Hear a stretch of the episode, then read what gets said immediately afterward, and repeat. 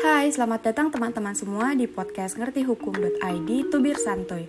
Bersama saya Mutia, kali ini kita akan membahas mengenai bagaimana perlindungan hukum pada desain industri di Indonesia. Desain industri adalah suatu kreasi tentang bentuk konfigurasi atau komposisi garis atau warna atau gabungan daripadanya yang berbentuk tiga dimensi atau dua dimensi yang memberikan kesan estetis dan dapat diwujudkan dalam pola tiga dimensi atau dua dimensi serta dapat dipakai untuk menghasilkan suatu produk, barang komoditas industri atau kerajinan tangan. Lalu, bagaimana perlindungan hukum pada desain industri? Indonesia merupakan salah satu negara yang telah meratifikasi WTO dengan Undang-Undang Nomor 7 Tahun 1994. Dengan demikian, Indonesia harus memperlakukan TRIPS sebagai ketentuan yang mengatur hak kekayaan intelektual, di mana dalam hukum TRIPS terdapat tujuh bidang HKI, salah satunya adalah desain industri. Untuk mendapatkan perlindungan hukum, seorang pendesain dapat melakukan pendaftaran melalui Direktorat Jenderal Hak Kekayaan Intelektual atau Ditjen HKI.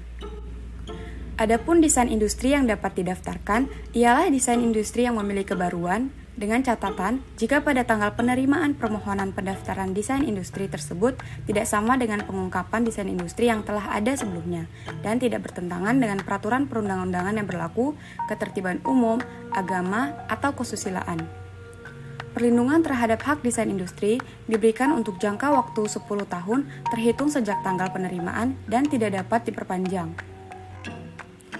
Terdapat beberapa manfaat yang akan didapatkan setelah mendaftarkan desain industri, seperti mencegah pemalsuan dan peniruan suatu desain industri, dan mendapatkan keuntungan karena desain yang sudah didaftarkan dapat dilisensikan atau jual kepada pihak lain.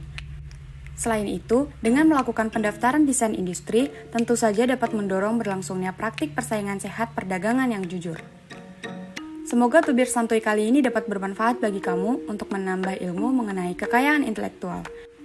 Jangan lupa follow kami di Twitter, Instagram, TikTok, LinkedIn, dan subscribe YouTube kami di Ngerti Hukum ID. Dan kunjungi website kami di ngertihukum.id.